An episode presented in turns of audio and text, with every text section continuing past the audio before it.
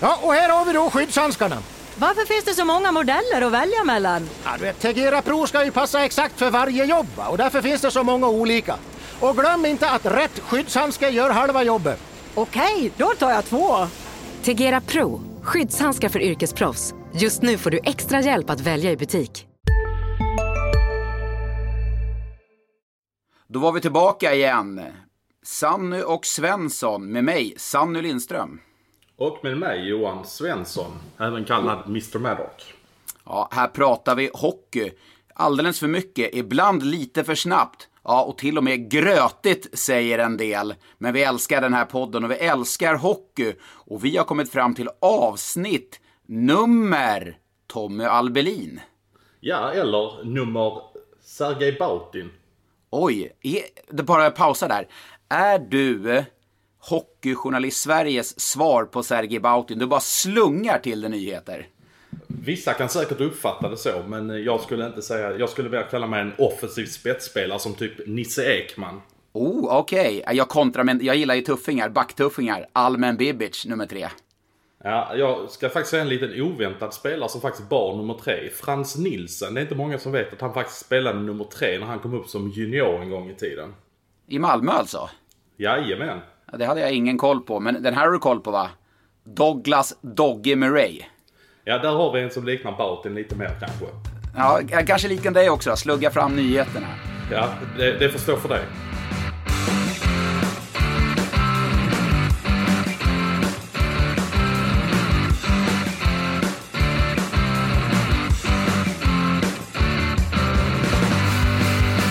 Men eh, derbyt, du var på derbyt här, det är väl en snackis. Eh, och där var det ju en annan nummer tre som hade avgörande roll, Daniel Bertov. Kanske skönt för Daniel Bertov också att kliva ur skuggan från en gammal storback. Det här är 10 000 kronor frågan till dig Johan. Vem gjorde Bertov, Daniel Bertov, SHL-debut med i backpar 2012? Oj, det har jag inte en aning om, jag ska vara helt ärlig. Den, den har jag ingen aning om. Va? En av Sveriges kanske, ja, många säger att det är en av Sveriges bästa backar genom tiderna faktiskt. ja, nu, nu, tror jag att du försöker få det till att det, att det kan vara du det handlar om, men då, då sitter du direkt och ljuger här. ja, ja, han gjorde faktiskt debut med mig eh, i, när han spelade. Han kom upp som junior i Färjestad. En superhärlig kille, totalt respektlös och vi hade en del backskador då. Jag spelade i Färjestad och mötte HV hemma. Då var det jag och eh, Bertov som gjorde, eh, utgjorde ett backpar. Jag minns inte om vi vann eh, och hur det gick. Men ja, han har i alla fall klivit ut min skugg, ur min skugga när han avgjorde, får man väl ändå säga, derbyt där mot Malmö. Oerhört starkt gjort av Rögle. De, ehm, de ägde ju matchen totalt i 40 minuter skulle jag vilja säga. Malmö kom ingenstans och fick ingen fart genom spelet och Rögle stängde ner dem fullständigt och helt rättvist vinner de matchen. Det kändes ju verkligen orättvist när Malmö hade klivit upp till 3-3. Sen är det ju sin sak att de faktiskt gör det starkt och eh, det räcker med sju minuter för att man ska kunna ta ikapp till 3-3. Men eh, nej, det där var Rögles derby helt och hållet. Och eh, framförallt tyckte jag Dennis Everberg och Daniel Saar imponerade stort i Rögles ja, stanna, stanna upp lite där vid Daniel Saar. Hur bra var han i den matchen? Jag har sett det i efterhand, jag har läst. Alltså det, rapporterna säger ju att det var ju i stort sett Daniel Sars show där. Och vi ska ju veta att Daniel Sar var ju i Malmö icke önskvärd i Malmö tidigare. Ja men det stämmer, det stämmer. Eh, jag, eh, jag, alltså så här bra har jag nog aldrig sett Daniel Sar som han var i den här matchen. Han var ju riktigt bra redan innan han åkte till Nordamerika men att han var så övertygande i en match av den här digniteten. Det tycker jag att Daniel Saar har fallerat lite grann på tidigare. Att han så att säga inte har varit nej, bra när... Nej, men inte gått in liksom i, i skiten, eller i hettan som man ofta brukar säga. Nej men exakt, jag minns honom från slutspelet här för två säsonger sedan att han var ju ganska okej okay, sådär i Malmö men sen i slutspelet var han ju fullständigt vek. Nu är ju det skillnad på en match i omgång två och ett slutspel givetvis men ett derby har ju ändå den här hettan som du pratar om. Eh, helt annan spelare nu tyckte jag i alla fall. Finns det, om man bara zoomar ut lite, finns det någon annan match i den digniteten nu i, SHL. Det, det är väl nästan den hetaste matchen det där Skånederbyt, får man, det får man väl ändå betrakta det som. Ja, med två lag som ogillar varandra av den digniteten skulle jag väl vilja säga. Det, det, så skulle jag absolut kunna tänka mig att det, det finns väl... Nej, det går inte att jämföra Luleå och Skellefteå. Det har vi pratat om tidigare. Att... Nej, exakt. Nej, det, det är ju mera, det är mer vi som har försökt konstruera det på något sätt. Skellefteå har ju eh, Björklöven som vi var inne på i första avsnittet där. Det, det, är ju hatmötet om man får säga. Men om vi bara fokuserar lite på Rögle då. Hur bra är Rögle? Vi vi trodde ju redan i fjol att det här laget kommer hamna ja, topp 6, topp 7, hade en tuff start. Nu har man ju tvärtom haft en riktigt lysande start. Ja, det är, det är ett helt nytt läge för Rögle och det som, det som man imponeras lite grann av. Vi visste ju någonstans att Everberg och Sar och de här skulle vara bra. Eh, men det som imponerar är ju faktiskt målvakterna försvaret. Vi visste inte hur bra den här Roman Will skulle vara till exempel. Och han har ju visat sig att han är har varit jättebra. Nu förlorar de mot Oskarshamn, de förlorar med 1-0. Det, sånt händer. De skjuter ändå 40 skott och har säkert 30 blockade. Alltså Oskarshamn gör en heroisk insats där. Så att det, det är sånt som händer. Eh, men jag tycker Rögle har imponerat jättemycket. Ja, men om vi bara flyttar fokus då. Medan du var i, eh, i Malmö och gjorde derbyt så var jag på plats i Oskarshamn. Det var mitt första besök faktiskt i BG Hockey Center som den eh, så fint heter, nu när vi pratar arenanamn, har blivit en snackis den här veckan. Men ja, vilken, vilken, men du vet känslan om att vara i en liten hall där folk bryr sig om hockey och är så enormt stolta. Jag fick en känsla, du vet, när jag var liten grabb och sprang i Björkingshallen i Huddinge, i Allsvenskan, Färjestad, Brynäs kom på besök. alltså den, här, den känslan som var i Oskarshamn, det var så här, oj, det är så här, det är den här kärleken på något sätt. Det var, ja, det var, det var en mäktig upplevelse faktiskt. Jag var nästan lite tagen och när de dessutom går och vinner där, då kändes det som att ja, kvällen eh, var fulländad för Oskarshamn. Ja, verkligen. Det är, eh, ja, det är grymt när det är eh, fullt tryck där inne i hallen. Det blir ju så tajt med allting. Eh, vad är det, 3200 någonting som den sväljer. Eh, det där, det där var ju någonting som SHL faktiskt har öppnat upp för den här säsongen. Att man, att man kan ha den typen av hallar. Och man kan bjuda på den typen av tryck som det ändå blir när det är en så liten hall. Och det, det väcker verkligen känslor. Jag fick lite den känslan i en annan match som jag var i under veckan här. När jag var i Kristianstad och kollade på eh, Kristianstads premiär mot Tingsryd. Alltså vilken ja, känsla det var, var på publiken. 2000 personer. Ja, det var fantastiskt bra. Men vad, eh, Kristianstad, är, vi pratade ju om Kristianstad förra veckan. Eh, som nykomling då, är det, är, blir de att räkna med? Jag, jag flaggade lite för dem förra veckan. Kristianstad menar du? Ja, det, ja Kristianstad ja. ja det, jag tycker det är för tidigt att säga. Jag, jag imponeras nästan lite mer av den här strukturen som Tingsryd hade i sitt lag. Eh, Magnus Bogren har ju absolut inget namnkunnigt lag som han förfogar över. Men när det blev lite strukturerat så kändes det som att Tingsryd hade total kontroll över händelserna. Jag har ju faktiskt tippat Tingsryd sist i, i Hockeyallsvenskan. Och, ja, jag, det, det, det, känns som jag är beredd att revidera det nästan per omgående här nu. Men är du beredd att revidera ditt tips även på Oskarshamn då, SHL, som jag förmodar du hade sist i, i eh, ditt tipp, som jag också hade, ska, ska tydliggöras? Nej, det är jag faktiskt inte. Eh, för jag, jag tittar lite, nu har det bara gått fyra omgångar här, men, men eh, Oskarshamn är ju... Om man tittar på så, den här Corsi-statistiken så är de rätt långt ner i skiten. Jag tror de är 35% i Corsi-statistiken. Nu säger det kanske inte jättemycket efter efter fyra, fyra matcher. matcher.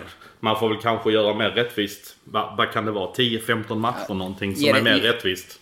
Lite så är det ju, men samtidigt de här eh, matcherna på sättet man har vunnit just med det här uppoffrande spelet och jobbiga att möta. Jag vet att du pratade om det tidigt på försäsongen, att det är inget lag som kommer åka ner till eh, Oskarshamn en tisdag, torsdag eller lördag och bara hämta hem enkla poäng. Alltså det, det, det är en tuff arena att spela i med det inramningen. Och får man den här eh, trycket, stämningen, fortsätta stoltheten, täcka skott, jobba för varandra. Ja, men då kan det bli en obehaglig överraskning på hemmaplan. Absolut, men jag tror Oskarshamn behöver rida vidare lite, lite grann på den här vågen. Det ska ju bli intressant att se var Oskarshamn tar vägen när de får sin första så att säga motgång i det här. Nu har de inte fått det riktigt. De, visserligen var det fram och tillbaka i Skellefteå där i premiären men annars så tycker inte jag de har haft någon motgång alls egentligen här så här långt. Så att det, det är väl lite det som kommer visa vad laget står för. Nu har ju ändå allting ridit på ganska bra för dem och Tex Williamson måste vi också Oj. säga. Ja. Nej, det Han var, mest, han var mest känd för Bingolotto här för något år sedan och, och vann väl en miljon där. Och sen har väl inte riktigt karriären gått som, som många trodde att den skulle göra när han kom fram och var lite, testade på i Malmö och gick till Leksand för att ta liksom, nästa kliv. Ja, nej, men jag har faktiskt ganska god koll på Tex Williams. Och jag såg ju när Joakim Tillgren där i Pantern plockade, plockade fram honom där när han värvade honom. Jag tror det var från Tyringe. Eh, att det, eh, han hade ju ett väldigt bra spel när han eh, var på topp. Men dipparna har ju varit extremt djupa för honom. Eh, så att då har det nästan kastat sin puckar höll jag på att säga. Men det, eh, det känns ju som att han har bara visat den här högsta nivån så här långt i SHL. Eh, Kanske, han kanske har höjt eh, lägstanivån lite grann, det vet vi inte. Nej. För jag, när jag var, var där nere i tisdags, och så då var, var jag nästan lite förvånad att, att de ställde honom i match två där eh, mot Leksand. Jag tänkte att man går nog på Pettersson Wenzel för att, för att liksom få in honom i spel ännu lite mer. Det är ändå på förhand den man tyckte att var den mer, eller bättre av de två. Men nu har ju Tex kommit in och visat ja, grym klass. Och det ska bli intressant att se Oskarshamn. Känn på den här på torsdag. Topplaget Oskarshamn mot bottenlaget Växjö. Ja, det, det blir intressant. Jag hade inte velat vara oddsättare på den där matchen alltså för att... eh, Men det, det, det ska bli intressant. Alltså Växjö är ju en otrolig... Det, det måste vi också prata om. Va, va, vad är det som händer i Växjö? Ja, nej men det är. Det är ju jag tror att man har haft en övertro eh, på sig själva. Eh, de har ett bra lag, framförallt forwardsmässigt så har man ett jättebra lag. Ser man, eh, om man bryter ner match för match, Luleå tycker jag man är i premiär, då är man ganska chanslösa mot ett, mot ett starkt Luleå, det är inte mycket att säga om. Sen Djurgården i hemmapremiären, då, man gör helt okej, men man, man räcker inte riktigt till. Man gör en bra match. Sen tycker jag i, i torsdags att jag tittade när de mötte Färjestad. Och då tycker jag att Växjö är det bättre laget. Men likväl hittar man ett sätt att förlora. Och jag vet, jag hade 2011 spelade jag i Färjestad och jag minns vi tog inte en trepoängare på de 11 eller 12 första matcherna. Och den här paniken som sprider sig sakta men säkert. Ja, det, det tar tre, fyra matcher. Sen infinner det sig och då lamslår det hela laget. Och det kan man, det, det, så såg jag i lördags när jag såg dem mot, eh, mot Skellefteå. Jag, tycker- jag tycker att de... Eh, de är veka i spelet. De viker ner sig, de gör inte klart jobbet. Eh, vilket gör eh, att man blir sårbar. Och nu har man ett målvaktsspel som inte alls står att känna igen. Så att, ja, det finns alla anledningar att faktiskt vara orolig för, eh, för Växjö här och nu. Vad tycker du man ska göra? Alltså nu hamnar man i ett läge så här. Nu, nu har de Oskarshamn hemma. Sen ska de möta Linköping borta. Sen har de Malmö hemma. Det känns ju någonstans som att det här är tre matcher som ett lag av Växjö Lakers dignitet på förhand ska vinna. Vad ska man göra om det inte faller väl ut i de här tre matcherna? Va, va, vad är åtgärden? För det är inte så att Växjö Lakers kommer sparka Sam Hallam. Det gör man ju inte. Nej, nej, såklart inte. Utan, ja, men, eh, skulle vi le lek bara med tanken att det skulle rulla på några matcher här, Oskarshamn. Det blir en ruggig press när man möter Oskarshamn hemma. Det är ju liksom allt att förlora-läge på något sätt för, för eh, Växjö såklart. Skulle det rulla på de här matcherna som du nämner med Linköping och Malmö också, då är det såklart att man måste göra förändringar. Då handlar det framförallt om att, att stärka upp backsidan som jag ser. Det sa jag redan inför säsongen, att jag, jag tror att när Växjö går in i slutspelet så kommer man ha landat två nya backar. Och då kanske man måste få in de backarna redan här och nu. Forwardsmässigt, där finns det ingen anledning att, att känna oro. För där har de, där har de potential. Gynge, Rickard Gynge har inte riktigt kommit loss. Emil Pettersson inte heller. Jakob Forsbacka Karlsson, Marcus Davidsson. Alltså det är, det är ju namn som är riktigt vassa. Så det är Får jag, bry- får jag bryta dig lite, får jag bryta dig lite grann här? Emil Pettersson, han har gjort noll poäng så här långt. Eh, Det var en kollega till mig, jag ska inte namnge den här kollegan. Men han sa att Emil Pettersson, han är överskattad. Och eh, han, eh, han kan bara spela i medgång. Eh, jag känner inte riktigt att jag håller med om den beskrivningen på Nej, Emil Pettersson. inte Va- va- Vad är din bild av Emil Pettersson? Jag har en jättebra bild av honom. Jag tycker i Skellefteå då landade han in fel när han, han gick, lämnade Modo för Skellefteå eh, i samband med att Modo åkte ut. Och efter halva den säsongen så gick han ju till Växjö. Och när han då fick det här förtroendet, känna det här lugnet, att han kunde liksom, han tilltro att han var en producerande spelare, då släppte ju allting. Den, den tilltron har han ju fortfarande av Sam Hallam. Det ser man ju hur han matchas till exempel. Så att eh, det kommer att släppa för, för Emil Pettersson. Jag hade ju honom som en av de bästa forwardsarna i serien. Och det, jag står fast vid det, även om eh, säsongsinledningen har varit svag från Pettersson, precis som i stort, stort sett hela Växjö. Men jag håller inte med den kollegan om att det är en spelare som bara presterar i eh, medgång. Absolut inte. Eh, du hade ett resonemang här om backarna. Eh, jag, jag känner att eh, en sån spelare som Matt Bodie som skulle, som skulle kanske vara en bärande spelare. Han får otroligt mycket i sig. Nu har väl Växjö lite skador. Bland annat är väl Oliver Boom skadad här. Ja, för mig de har en till som är borta. Så de går rätt tunt på folk. Peter Andersson klev ju av efter tacklingen där. Som, den lär vi få anledning att återkomma. För det har ju varit en, en snackis här de senaste dagarna. Men eh, så att det, är, det finns en oro på backsidan definitivt. Och nu börjar lagen borta i Nordamerika, NHL, de börjar gallra sina trupper. Då kommer det, det kan dyka upp spelare, inte nödvändigtvis svenska spelare, utan kanske amerikanare eller kanadensare som kommer att kunna komma in i eventuellt då Växjö och stärka upp dem. Nu fick jag inte prata till punkt med Matt Bodie här, men det är okej. Okay. Nej, men... Vi är, för, vi är för laddade, jag ber om ursäkt. Ja, men det är ingen fara. Nej, men håller Matt Bodie eh, måttet i spelet utan puck, skulle du säga? Nej, det gör han absolut inte. Men vad är han värvad för? Om man ser liksom beskrivningen av vad han är värvad för, det är, ju en offensiv back.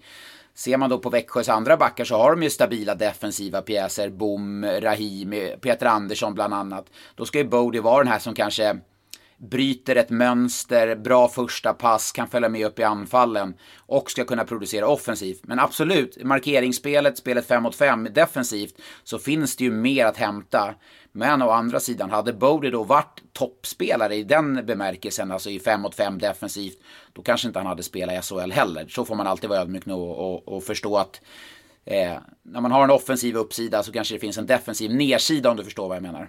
Ja, och sen är det väl verkligen så också att Bode är väl lite värvad för att vara lite ledartyp i Växjö Lakers.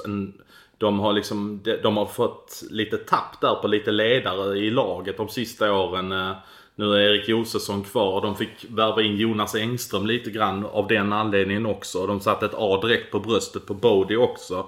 Han har ju varit kapten i ganska många lag här innan han kom så jag tror Växjö såg någonting där också. Ja, så kan det vara. Men där älskar jag eh, Sam Hallam, alltså älskar, jag gillar det han säger.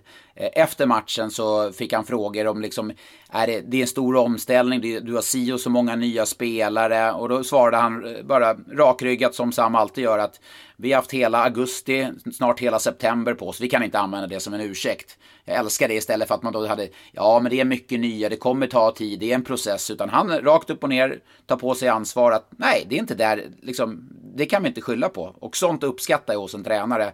Speciellt när man jobbar på den här sidan. Ja, Sam har ju varit med tillräckligt länge också. De hade ju någon start här eh, efter SM-guldet 2015 och de inledde med tre raka torsk och var på väg mot fjärde också. Så att någonstans är det ju inte ett helt nytt läge för dem utan de, de tror nog på det de har. Det, det är jag ganska säker på. Men om vi nu ska göra ett litet hopp här från Växjös kräftgång så går vi rakt över till Växjös kräftskiva som har varit lite omtalat den här eh, sista veckan. Jag fick ju ta emot en hel del skit för att jag lite grann försvarade där och tyckte folk hetsade upp sig i onödan. Jag, till och med hon jag bor med här hemma tyckte att jag hade blivit lite för kommersiell i, eh, ja, i nej, mina tankar. Ja, du har tappat allt. Ja, men exakt. Du är den av oss som ska stå upp för supporterna. Här tänkte jag, här kände jag, du sa ju det när vi eh, pushade lite för den här. Här kommer vi nog eh, tycka olika en del. Och här, här kände jag direkt, kräftskivan, perfekt. Här kommer Johan, han kommer, han kommer stå upp för supporterna och känna att det här är ju helt åt fanders. Ja, jag, ja, jag, man, kan vara, man kan vara helt säker på att hade det varit Johan Svensson som 20-åring och ganska vild på läktaren så hade ju bara hatet fullständigt flödat ur mig. Eh, jag, jag, vet inte riktigt vad som hänt om jag har tappat det eller om jag har mjuknat till med åldern. Men någonting är det ju helt uppenbart. Ja, eh, men det jag tycker alltså. grejen är den att man måste kunna, man måste attrahera en annan publik. Växjö säljer inte slut sin arena med, längre. Alltså det är, det är rätt det är rätt glest på läktaren i Växjö när de spelar, spelar sina matcher. Det är en före, ny förening som har haft enorma framgångar. Publiken har blivit bortskämd. Jag var där i fjol till exempel när man inledde svagt. Eh, pratade med en i Växjö då. Eh, ah, ja, men det är lugnt, du vet. Det, det, spelar ingen roll om det går lite dåligt början på säsongen. Eh, Evertsson värvar in och spelar i, eh, innan transferfönstret så tar vi guld igen. När man har den attityden, nu, nu kanske inte genom, genomsyrar den genomsnittliga Växjösupporten, men den attityden är ganska farlig.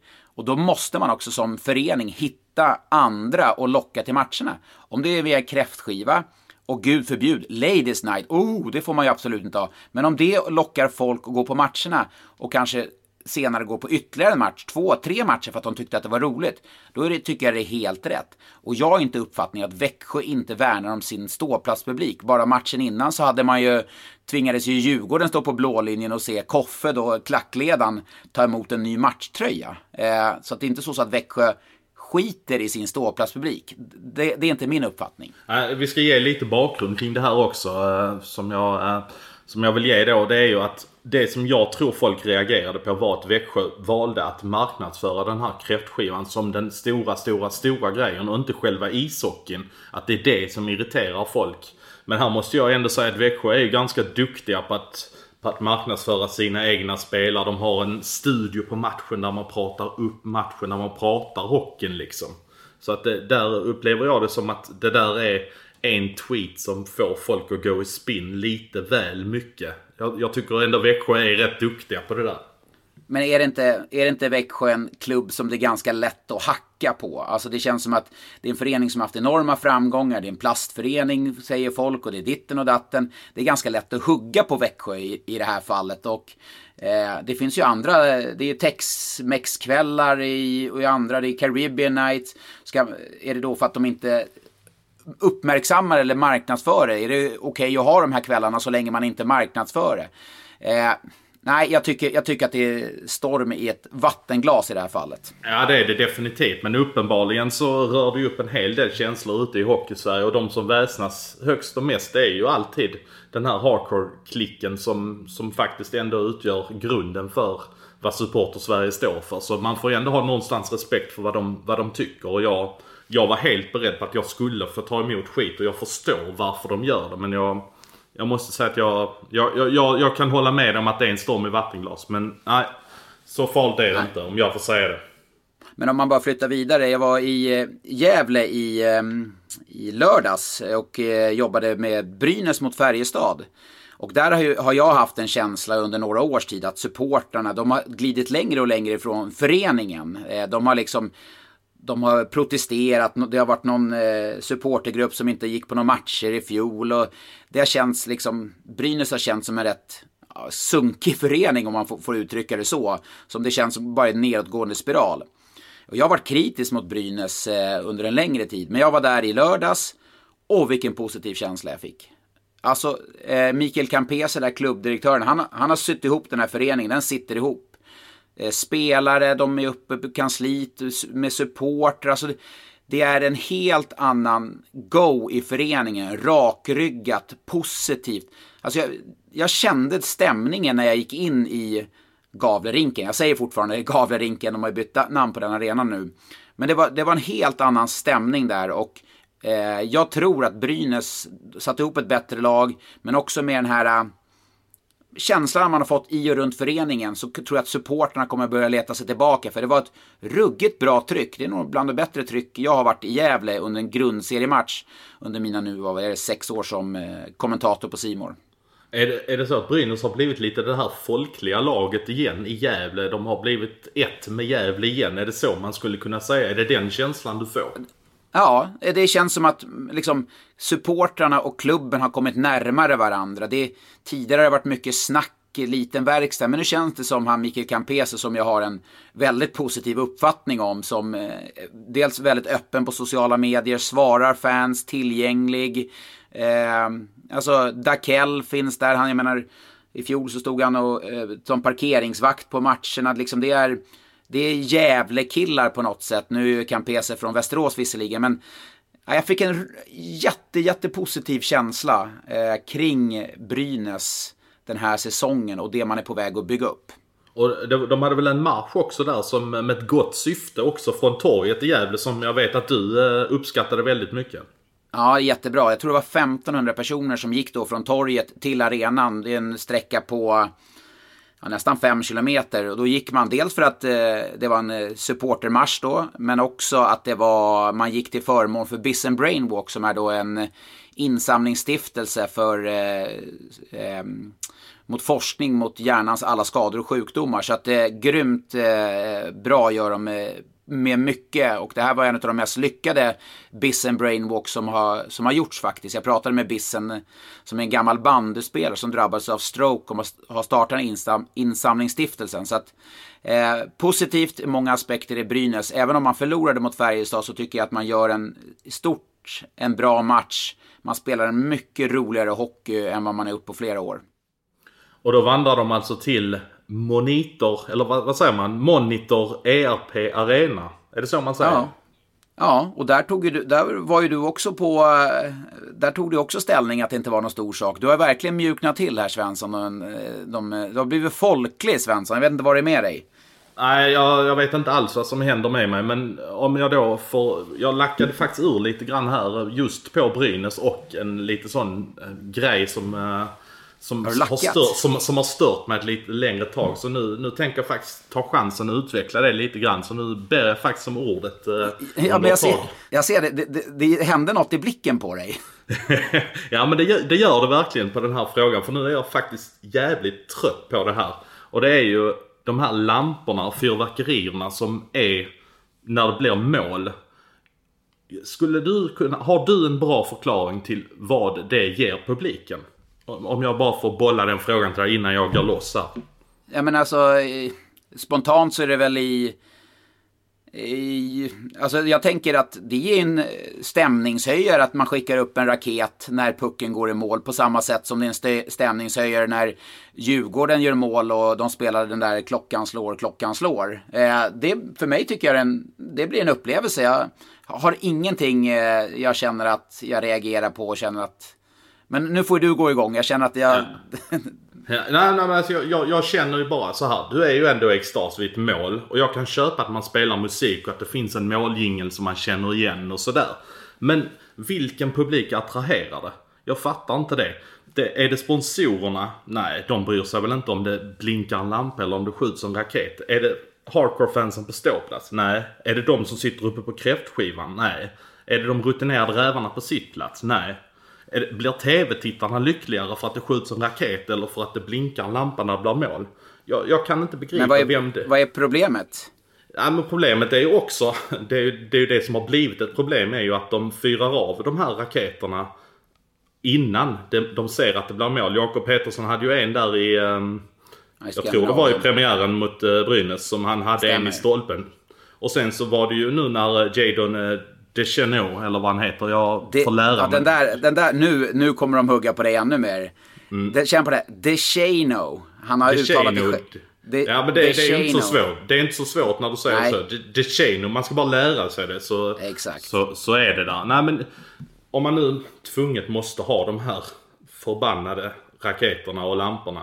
Då, då kan man väl i alla fall vänta till att man ser att pucken är innanför. För jag menar hur reagerar motståndarna när de ser att det börjar blinka och ha sig uppe jag tänker så, ja.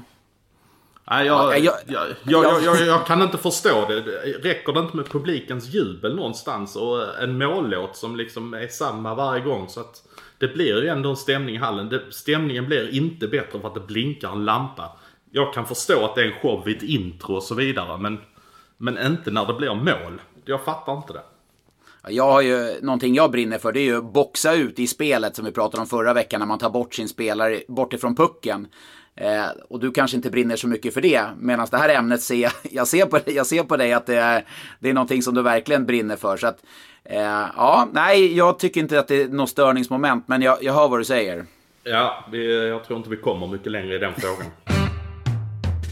Nej, Johan måste ändå koppla tillbaka lite till derbyt. Eh, nu vann ju Malmö visserligen mot Luleå, vilket var starkt.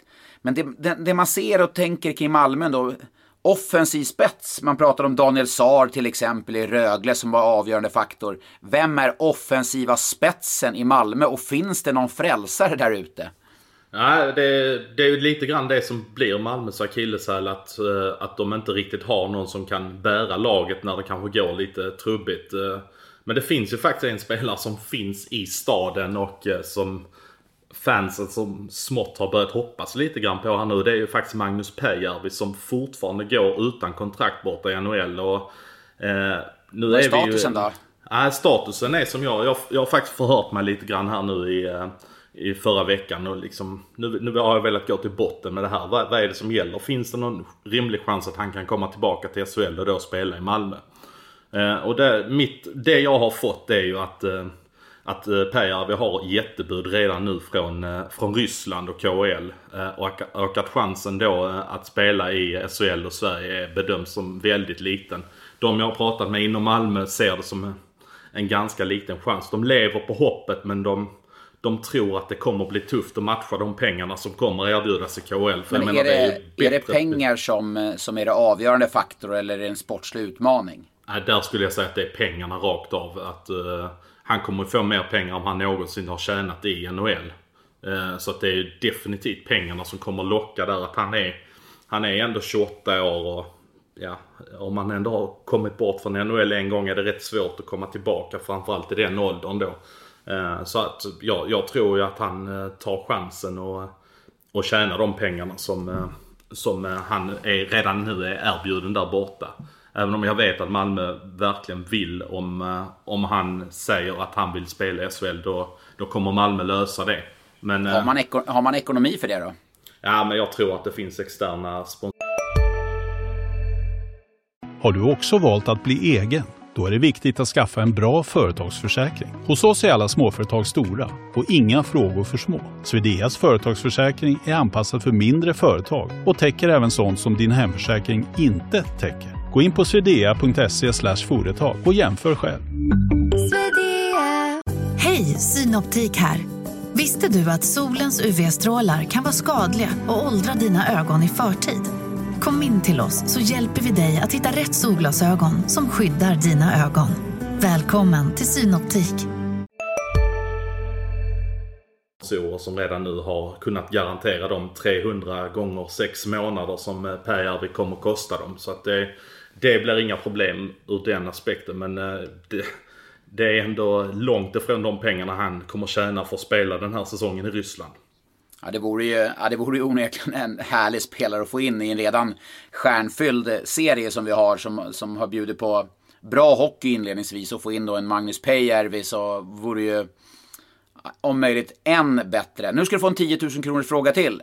Magnus Peijärvi Svensson gjorde debut i Timrå 2007 i borta mot Linköping. Vilka var hans kedjekamrater? Oj, oj, oj, oj, oj. Kan det vara någon av finnarna då som är, eh, var kedjekamraterna? Uh, ja, stämmer. Uh, nu är du inne på något. Ja, är det Rico Hall och Timo Persson slår jag till med då? Ja, det är Rico Hall och eh, Mika Pörele. Så att det, okay. var, det var en bra kedja han gick in i direkt. Och om jag inte missminner mig helt så tror jag faktiskt han hade en debut i premiären. Så att det är en Eh, jag tror han hade spelat TV-pucken precis där och vi hämtade upp honom på vägen eh, eh, till Linköping. Det var ju en supertalang som jag trodde kanske skulle ha en ännu bättre NHL-karriär än vad han haft. Han gick ju ganska tidigt i draften. Han gick väl som nummer 10 eller 9 eller 11 eller någonting i den där mm. stilen. Så att han gick ju väldigt tidigt i draften.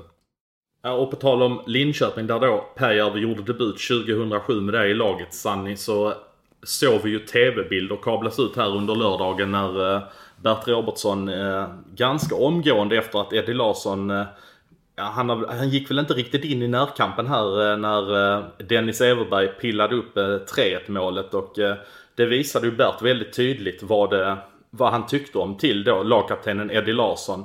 Känner du att, att, man ska, att man ska göra det så direkt eller hur, hur ska man gå tillväga? Hur mottaglig är man? Nej men alltså den som vet, eh, Eddie Larsson är ju en gedigen spelare. Eh, bra defensiv back, flera år i ligan. Han vet att han positionerade sig fel. Jag har hamnat i de positionerna åtskilliga gånger i, under min karriär. Och jag vet när man hamnar fel i situationer, då blir man svag gentemot pucken, vilket i det här fallet eh, utmynnade i att Everberg kunde slå, ut, slå in pucken i mer eller mindre öppet mål för att Eddie Larsson hade hamnat fel. De här 7-8 sekunderna efter att Eddie Larsson har dels släppt in målet, du vet mer eller mindre tittar upp i taket på Saab Arena, åker till båset. Han är fullt medveten om att han har gjort fel. Han, han liksom, han han skyller inte ifrån sig på någon annan. Han vet att det här målet är helt mitt, mitt misstag. Då tycker jag det är liksom, det finns ingen anledning för en tränare att komma in där och markera mot laget. För alla i laget vet att Eddie Larsson vet att det är han som gjorde misstaget. Han skyller inte ifrån sig. Han tar på sig det. Och det jag menar är att jag tror att sådana här saker, det bara sprider en större oro i en grupp än det ger nytta. Och det här är ju någonstans en process som Bert och Linköping måste gå igenom. Bert har varit i Skellefteå och kunnat göra de här grejerna, men då har man vunnit åtta av tio matcher. Nu kanske han är ett Linköping där man kommer förlora åtta av tio matcher. Hur många av de här fighterna ska man ta under den här tiden? Eh, ja, kan det bli för mycket Bert, pratade vi om i första avsnittet. Ja, det kan det nog bli, för jag vet inte hur mottaglig man blir som spelare efter när man har, det här har skett gång efter annan. För det kommer ske misstag i Linköping. Eddie Larsson kommer göra fler misstag. Jag tror att det kanske sprider en större oro. Så jag är inte helt såld på den typen av agerande från en coach. Men kan det finnas några fördelar med att han gör det då?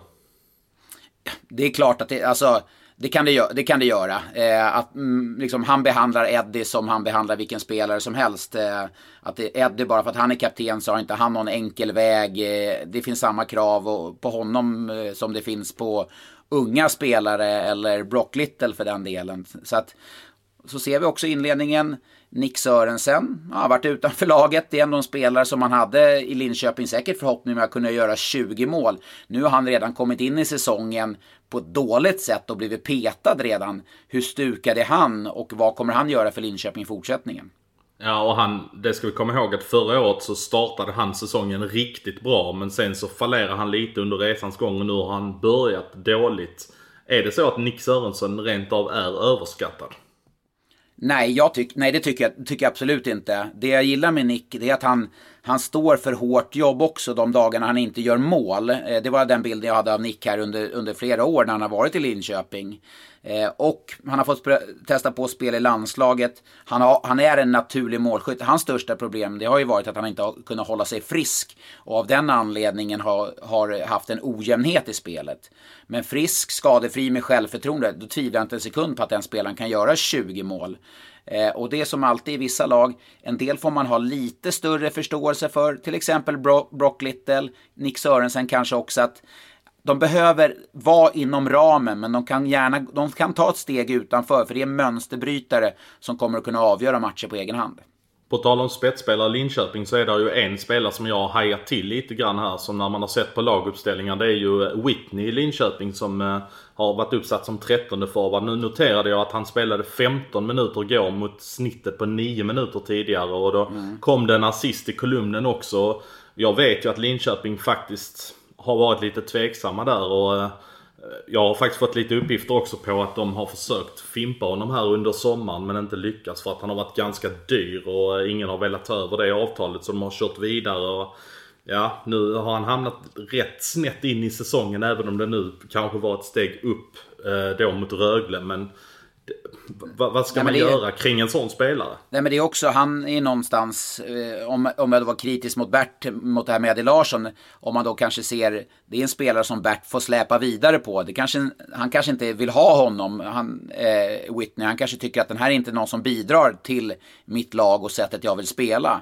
På samma sak som Lu, eh, Luleå till exempel, när Bulan kom upp dit. Första året, ja men inför andra året, ja men då kapade man spelare som hade kontrakt för att han ville få den, sätta sin prägel på laget. Så det, kommer det vara med Bert i Linköping också. Det, det, finns ju, även om Linköping kommer förlora i stort mer eller mindre alla matcher så kommer inte de sparka Bert den här säsongen. Utan Nej. det är Bert som ska få bygga det här laget tillsammans med Niklas Persson. Och det är anmärkningsvärt om de uppgifterna stämmer, som, som du säger där, vilket jag inte betvivlar ska jag tydliggöra. Eh, att de kanske vill bli av med honom, och det vet man ju som spelare också. Det, det känner man och det har agenten pratat om. Så det, det är inte en optimal situation på något sätt. Vi sitter ju i den här podden och eh, vi har ju en som kan reglerna utan och innan, tror jag i alla fall. Han ger i alla fall sken av det. Eh, och du har ju trots allt varit en aktiv hockeyspelare på yppersta nivå, Sanni. Eh, du har ju... Det känns som du brinner lite grann för de här frågorna. Det här med målgården. Jag känner ju att det, det blir en diskussion kring det här. Det var ju i, i veckan så blev Rögle mm. bortblåsta där. Leon Bristedt gjorde ett mål där Everberg blev puttade in en uh, motståndare i Tex Williamson om jag inte minns helt fel. Vad, vad är det som gäller? Vad, vad, är det som gäller? Kan vi bara reda ut det? För att i samma omgång så var det ju så att Leksand hade ju en spelare i målgården också. Vad, berätta om skillnaden. Eh, men för att tydliggöra de här sakerna så bara om man blickar tillbaka, kaoset som har varit de senaste åren. I fjol i slutspelet så var det olika bedömningar på exakt samma situationer, vilket föranledde att målvaktstränare, målvakter, eh, folk runt hockeyn eh, träffades i somras för att reda ut hur ska vi dels ett, skydda målvakterna. De hade jättemycket skador på målvakterna i fjol med till exempel hjärnskakningar. Hur ska vi skydda målvakterna och hur ska vi göra med målgården? För att de, de insåg att det här det är inte hållbart, för folk förstår inte. Då har man striktat upp det på ett väldigt, väldigt tydligt och enkelt sätt. Eh, mål, I målgården, där är målvakten alltid skyddad. Det vill säga att om en spelare åker in i målvakten när målvakten är i målgården och det blir mål, då ska målet dömas bort. Om en eh, Everberg i det här fallet puttar in en Oskarshamnsspelare i Oskarshamns målvakten Tex Williamson, då är, ska det dömas bort. För det är, det är på samma sätt som att Everberg åker in i målvakten i målgården. Då har vi rätt ut det kring målgården. Känner du dig bekväm där så att du förstår målgårdssnacket? Eh, Absolut, men då, då kommer vi till det här att det var en Leksandsspelare i målgården ja, också. Så ska jag rädda ut en annan sak här. Det är när det är målgården. Men om målvakten står i målgården, men har utrustning, till exempel en plockhandske, en klubba, utanför målgården. Utanför målgården. Och en spelare åker in i den plocken oavsiktligt. Och det blir mål då det, ska det bedömas som mål för att kontakten sker utanför målgården. Det spelar ingen roll att målvakten står i målgården, men om han har en utrustning som är utanför målgården, då ska det dömas mål. Vilket är, det där har inte riktigt framgått och det har inte riktigt alla förstått och man kanske jämför med i fjol när det var väldigt otydligt. Så där har man satt en tydlighet. I målgården är det målvaktens yta. Utanför målgården, ja där får han stå lite på egen risk om jag säger. Man får ju såklart inte köra över en målvakt. Men om man blir pååkt lite, till exempel på en plock eller klubba och det blir mål, så ska det godkännas. Eh, då har vi den här Leksands eh, situationen mot Skellefteå när en, en Leksandsspelare glider in i målgården med en Skellefteåback. Är det då för mm. att Skellefteåbacken anses vara den som driver in Leksandsspelaren i Östlund då, som gör att målet blir godkänt. Exakt. Där är det ju inte Leksandsspelaren som bär ansvaret för att han åker in i eh, målvakten i Östlund i mål då, utan det är ju Skellefteå-spelaren som har det ansvaret. Men där handlade det mer om det de tittade på där, domarna, Mikael Sjöqvist eh, och om det var Micke Nord som dömde. De var säkra på att kontakten som skedde med målvakten, det var på grund av en Skellefteå-spelare och inte på grund av Leksandsspelaren. Men här, det man tittade på länge, länge, länge, det var om målgården var ur sitt läge. Och här är det också, det är gold pegs, det, är ju, det här är ju jättesvårt för folk att förstå där hemma som sitter och ser på hockey för att de älskar sporten och så sitter man och pratar om de här nörddetaljerna. Men där handlar det om målburen var ur sitt läge eller inte. Och målburen är inte ur sitt läge från plastbiten som, eh, som sitter emellan isen och målburen för att hålla den fast. När goalpegsen som den heter, när den är ute ur position, då är målburen ur sitt läge. Så där var det ett solklart mål när man tittade på det där eh, och med hjälp av den teknik som finns, dels som vi har tillgång på Simor men även de i situationsrummet, så var det inget snack om att det ska vara mål. Så ser jag på alla de här eh, isolerar de här situationerna som har skett under de fyra första omgångarna så ser jag en mycket större tydlighet i år än vad jag gjort tidigare. Och tycker jag också att det är bra att domarna blåser av i tidigare skeden när spelarna är i målgården. För att spelaren ska inte ha vanan att gena genom målgården eller vara i målgården. För det är målvaktens yta och där ska de vara fredade. Känner jag fansen rätt så kommer det dyka upp situationer som du kommer få svara på senare under säsongen. Jag tror vi får anledning att återkomma till det här men det känns som att vi har fått en ganska bra tydlighet i grejerna nu i alla fall. Ja, men det tycker jag. Nu är det mycket mer klart än vad det var i fjol och det, det är någonting jag uppskattar. Och i fredags så satte Hockeyallsvenskan igång på riktigt. Ja, eller den sattes väl igång egentligen i onsdags på ett öde hovet när Vita Hästen slog AIK. Men nu är alla lag i Hockeyallsvenskan igång och Jonathan Dahlén har gjort fem poäng så här långt. Eh, och eh, har verkligen varit så bra som eh, Fredrik Andersson flaggade för att vi skulle ha lite tålamod med honom. Men det blir intressant att se var han hamnar sen när vi har haft det där tålamodet med honom. Men i alla fall, Hockeyallsvenskan är igång. Och eh, har du några intryck så här långt Sanni från Hockeyallsvenskan? Ja, nummer ett, eh, fiasko av Hockeyallsvenskan och eh, bryta ut en omgång, premiären mellan AIK och Vita Hästen en onsdag. Eh, när fokus inte riktades mot Hockeyallsvenskan, det skulle kunna vara fest. Jättetråkigt. Jag vet att det är problematiskt med Hovet som Djurgården delar med, eller AIK delar med Djurgården och, och sådana saker. Men jag satt och tittade på tv i onsdags och kände bara gäsp och suck. Jättetråkigt att det är den premiäromgången, eller den när Hockeyallsvenskan börjar. Men i fredags när det drog igång, så ett lag som jag höjer ett varningens finger för, det är Karlskoga. Tycker jag ser jätte, jättespännande ut. Eh, och Hockeyallsvenskan som var inne på många spännande spelare och Dalen såklart stora utropstecknet och stjärnan. Är det rent av så att du ser att, eh, att BIK Karlskoga, de har ju varit lite grann så här i kval och i och med att Oskarshamn gjorde någon form av, om vi får kalla det, omöjlig resa. Ser du att BIK Karlskoga också har den möjligheten att göra det? De är ändå ett av de mer klassiska hockeyallsvenska lagen. Definitivt. Alltså, jag kan säga Karlskoga kändes som de sprang vilse för något år sedan efter de tappade eh, ja, Ejdsell och Henrik Larsson. Alltså de, här, det var, de hade något år där de kvalade mot Rögle och var riktigt vassa. Sen slutade många av de här gamla tongivande spelarna. Och det kändes som att man liksom inte riktigt hittade rätt. Men jag tycker att man har gjort det de, eh, i fjol och framförallt i år. Truppen ser jätte, jättespännande ut. Många utvecklingsbara spelare både på back och forwardsidan. Så att jag skulle kunna säga, som du var inne på där, jag, jag ser inte omöjligt att det här kan bli nya Oskar, Oskarshamn faktiskt och, och ta sig ja, till, dels till kval och banne mig om man kan ta sig upp också. Bika Skoga är det mest spännande laget i Hockeyallsvenskan tycker jag.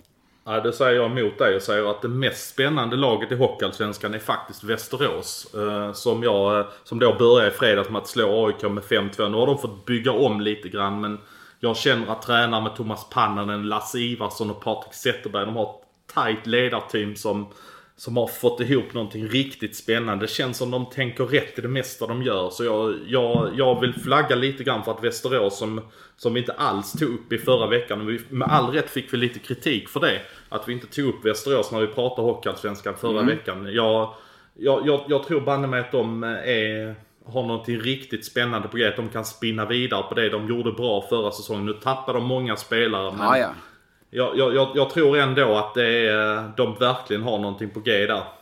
Ja, men det har också blivit en attraktionskraft såklart att gå till Västerås nu med Pananen som det Pananen tränaren då pratar om mycket, det är individuell utveckling. Och det är det som många slänger sig med att ja, men vi ska jobba med individen. Och ja, ju längre ner man kommer i seriesystemet, ju mindre resurser har man, kanske till och med mindre tid för de här sakerna. Men Pananen, han jobbar stenhårt med det. Jag pratar med spelare som har spelat i Västerås som hyllar honom just för den här individuella utvecklingen, feedback, konstruktiv kritik, alltså hela tiden. Pannanen är jag, tror jag kommer kunna bli en SHL-tränare om han får stå på tillväxt i Västerås kanske ett eller två år till. Så det är såklart att Västerås är ett spännande lag.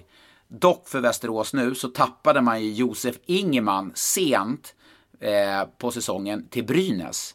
Och jag såg Ingman för första gången live i lördags. Alltså vilken spelare. Hur bra är han inte? Ja, jag, jag Nej, har alltså, bara fått rapporter också på att han var suverän i alla fall i premiären här mot, eh, mot Frölunda. Att han bara har klivit in ja. och tagit och spelar i backplan med, med Sigalet här direkt. Nej men alltså, det är, alltså vilken spelare. Han värvades då sent. Han gick ju under radarn från samtliga SHL-klubbar för att gå till Västerås. Och när då Brynäs tappade Viktor Söderström så tog man Ingman. Om nu Viktor Söderström kommer tillbaka till Brynäs, vilket mycket tyder på att han kommer att göra, så är Ingman en topp tre-back likväl. Alltså det är en Nej, det, alltså jag, jag sticker ut hakan. Han kommer spela landslaget i år. Eh, men återkopplat till eh, Västerås där så är det liksom, där märker man attraktionskraften när man kan locka till sig en spelare som Ingman, som man visserligen tappade nu. Så att absolut, Västerås är ett lag som kommer husera i toppen. På tal om att Västerås då tappade mycket spelare till SHL förra säsongen, eh, eller då i våras inför denna säsongen. Så, eh, så har jag märkt lite grann här att, eh, att SHL-sportcheferna redan nu är på hugget kring topparna i Rockallsvenskan. De unga spelarna som, som, kommer att, som kommer att spela SHL-hockey nästa säsong. Och, och jag vet ju faktiskt till exempel en sån som Hugo Gustafsson var det faktiskt rätt nära att, Ja precis. Eh, Hugo Gustafsson där 0-0 har hyllats en hel del där redan nu. Gjorde mål mot Timrå. Eh, han, eh, han har ögon på sig redan nu och jag vet att Linköping försökte, försökte sno till sig honom här redan nu väldigt sent in på seriestarten här. Och jag vet att det finns andra ögon som har tittat på honom. Jag vet att Luleå tittade på honom här eh, under eh, matchen mot just Timrå. Alltså, både, både Skuggan och Engman var på plats och såg honom där. Redan nu alltså så är, så är han på tapeten för SHL-klubbarna, alltså Gustafsson?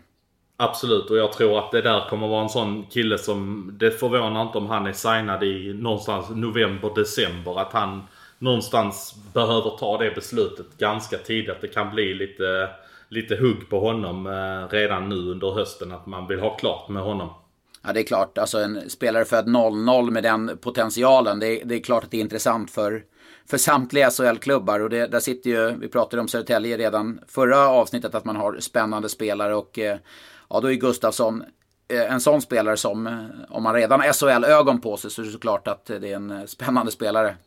Ja, onekligen. Det kommer komma fler sådana spännande spelare här under säsongen och jag tror vi kommer få anledning till att återkomma till det där. Nu har det ju bara gått någon match här in på Hockeyallsvenskan men eh, mm. nej, han, har, eh, han har visat upp sig där. Ska du ha ett annat namn som kommer spela i SHL? Det är såklart i Hockeyallsvenskan, det vet vi. Det är många spelare som, som kommer ta klivet från Hockeyallsvenskan till SHL och göra det bra nästa år. Men ska du ha ett namn, en ny Joakim Nygård eller Ja, en ny Joakim Nygård finns i Hockeyallsvenskan eh, som har tagit enorma kliv och kommer vara grym den här säsongen. Vet du vad jag tänker på? Låt höra. Då går vi tillbaka till eh, Karlskoga. Eh, Jesper Kokkonen. Ja, han har jag redan faktiskt flaggat upp för lite grann här under, eh, under sommaren. Redan när han eh, producerade här en, en försäsongsmatch mot just Södertälje så flaggade jag lite grann för Kokkonen. Jag vet att finska klubbar var och tittade på honom redan eh, redan förra säsongen och att eh, vi har ju pratat lite grann om det här att allsvenska spelare kan gå vägen om finska ligan. Jag vet att finska klubbar redan tittade på honom. Jag vet att TPS Åbo eh, har sett honom live bland annat. Så att eh, där finns ett, eh, en attraktion kring eh, Kokkonen, absolut. Ja, han har dessutom spelat i Huddinge så det är klart att jag förstår att klubbarna rycker när man ser hans Elite Prospect där att han har varit i Huddinge en säsong, eh, Kokkonen. ja, fick du in det också. Nej, men det, det, alltså det är en spelare, han skapar mycket, bra skridskoåkning, lite som Joakim Nygård, inte den Joakim Nygård som lämnade Färjestad, utan den Joakim Nygård som tog sig upp de första åren, skapade mycket, kanske inte riktigt fick den utdelningen som, som eh, han fick i senare, senare delen av karriären i Färjestad. Men Kokkonen kommer landa i, ja, kanske finska ligan då, men förhoppningsvis i SHL eh, nästa år. Och om mitt tips slår in så kanske han gör det till och med med Karlskoga. Ja, vi får se.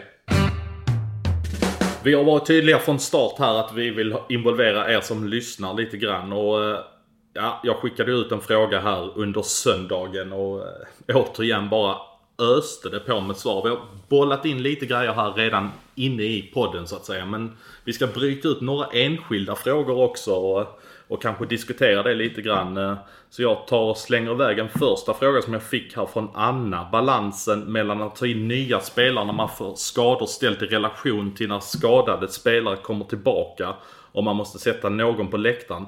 Vad anser ni är det bästa sättet att göra här? Då kan jag väl svara lite grann direkt där att jag känner att det är väl från fall till fall någonstans och hur bred trupp man har från början är väl mitt mm. spontana svar på det där. Jag, jag var inne på det här, om det var i förra podden, att eh, lag som går in i säsongen med breda trupper, eh, som slipper panikvärva spelare, det är min uppfattning att de, de kan bygga lag över tid och alltså den här eh, kemin, lagkemin, ta inte in utspelare utifrån. Så att jag tror att det, det, är en nyckelfaktor för att kunna bli framgångsrika. Letar du spelare, som Frölunda var inne på då, Frölunda i fjol, man tog in backar, men det var inte de här toppbackarna man tog in, utan det var sådana som stöttade upp lite, även om Brandon Gormley var väldigt, väldigt bra. Eh, det som är, blir problemet när du ska ta in ledande spelare, kanske en första kedja, då störs balansen, den, den här kemin som man har byggt upp. Och det, det, det är inte helt friktionsfritt att ta in spelare under säsongen som ska ta, ta ledande roller och kanske ta en roll från en annan spelare som har varit i laget länge. Så att, Nej, det är inte alltid att det blir lyckat de där värvningarna. Eh, så att jag går in med stora trupper, breda trupper. Eh, det, med, det tror jag är framgångsreceptet framöver. Då kommer vi på en fråga som kommer från lite grann på samma ämne som då berör en enskild klubb. Och det är Oskar Lindgren då som frågar om Linköping. Ska man värva nu eller ska man ha tålamod och bygga på det man har någonstans? Värva. Eh, vi pratade om eh, Växjö som skulle värva backar. Det måste Linköping göra också. Eh, där ser jag klart och tydligt att eh, Mattias Bäckman är skadad igen med det fjolårssäsongen han hade som en tilltänkt toppback. Det är klart att det är ohållbart när man har så pass tunn backuppsättning. Sen är, måste man också få in en center. Även om man fått in Axel Ottosson från Färjestad som jag tycker har gjort det bra i Linköping ska jag tydliggöra så måste man få in, eh, få in mer tyngd på centersidan. Så att, eh, jag är helt säker på att Niklas Pajen Persson som är sportchef eller general manager i Linköping kollar, sonderar, eh, vrider och vänder på varenda krona för att eh, hitta spelare, definitivt. Då är jag lite grann inne på att eh, det inte finns, alltså just backar och centrar, det är ju det som kanske är det Alla ha.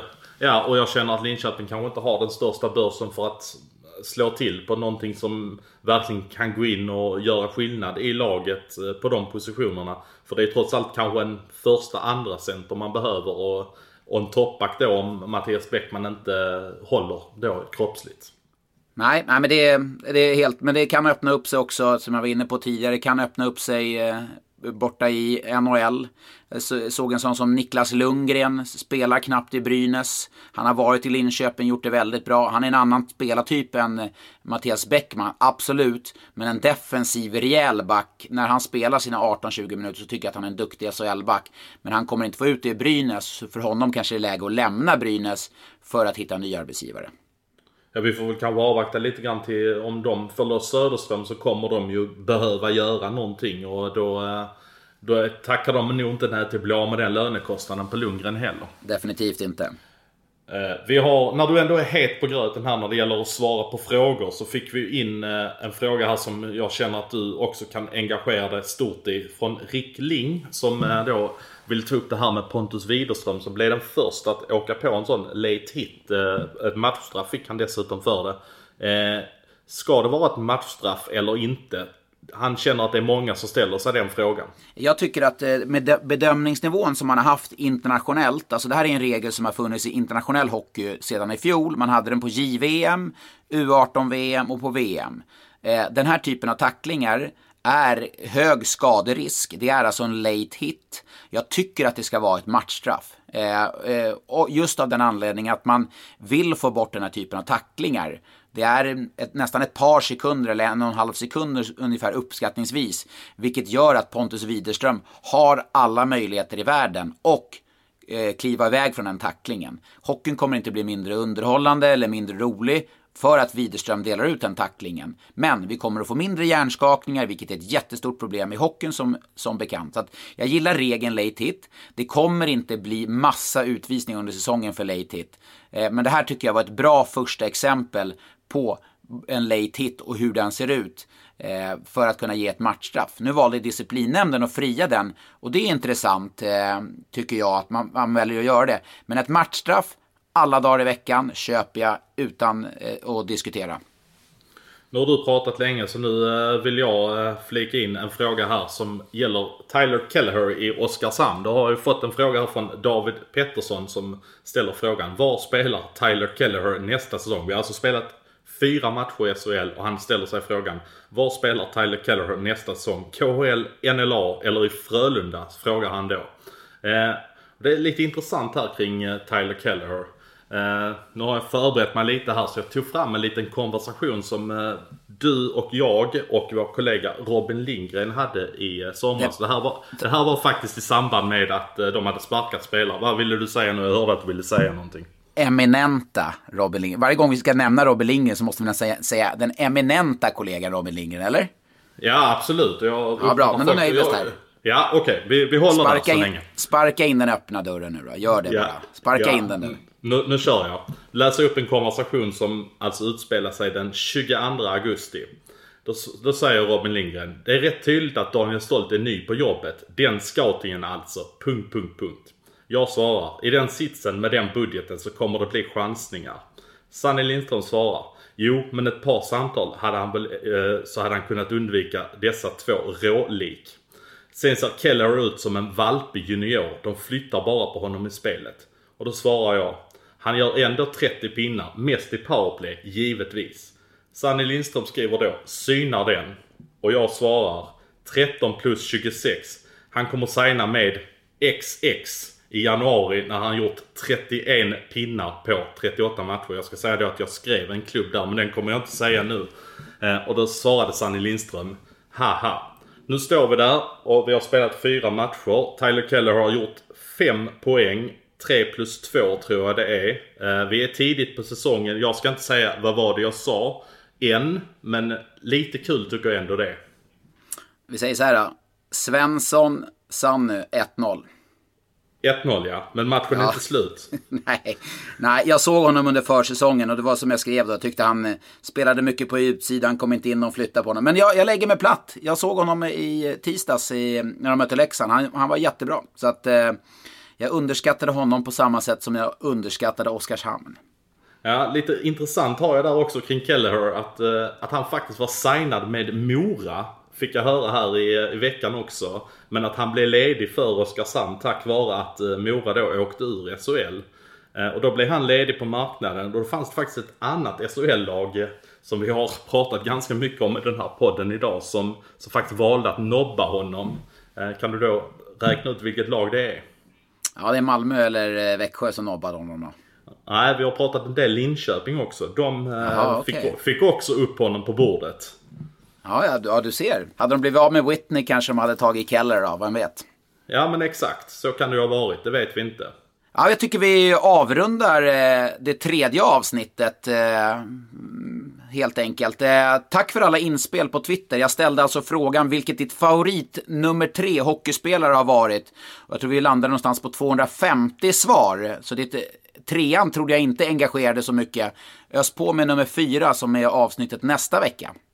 Ja, och jag eh, tackar så hjärtligt också för alla frågor som kom in då på mitt eh, Twitterkonto. Eh, otroligt engagemang och eh, jag vet att eh, det kommer vara likadant engagemang nästa vecka också. Så det är otroligt häftigt att ni väljer att engagera er så här. Så eh, tillsammans ska vi göra någonting riktigt bra av det här. Ja, tack för idag och vi ses igen nästa måndag.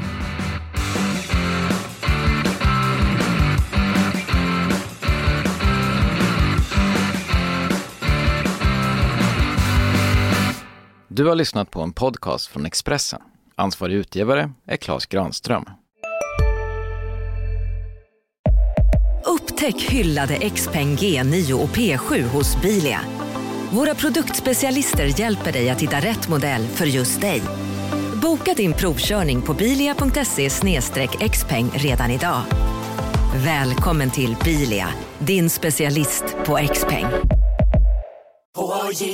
På Sveriges största jackpot-kasino går hypermiljonen på högvarv. Från Malmö i söder till Kiruna i norr har hypermiljonen genererat över 130 miljoner exklusivt till våra spelare. Välkommen in till Sveriges största jackpot-kasino, hyper.com. 18 plus, regler och villkor gäller.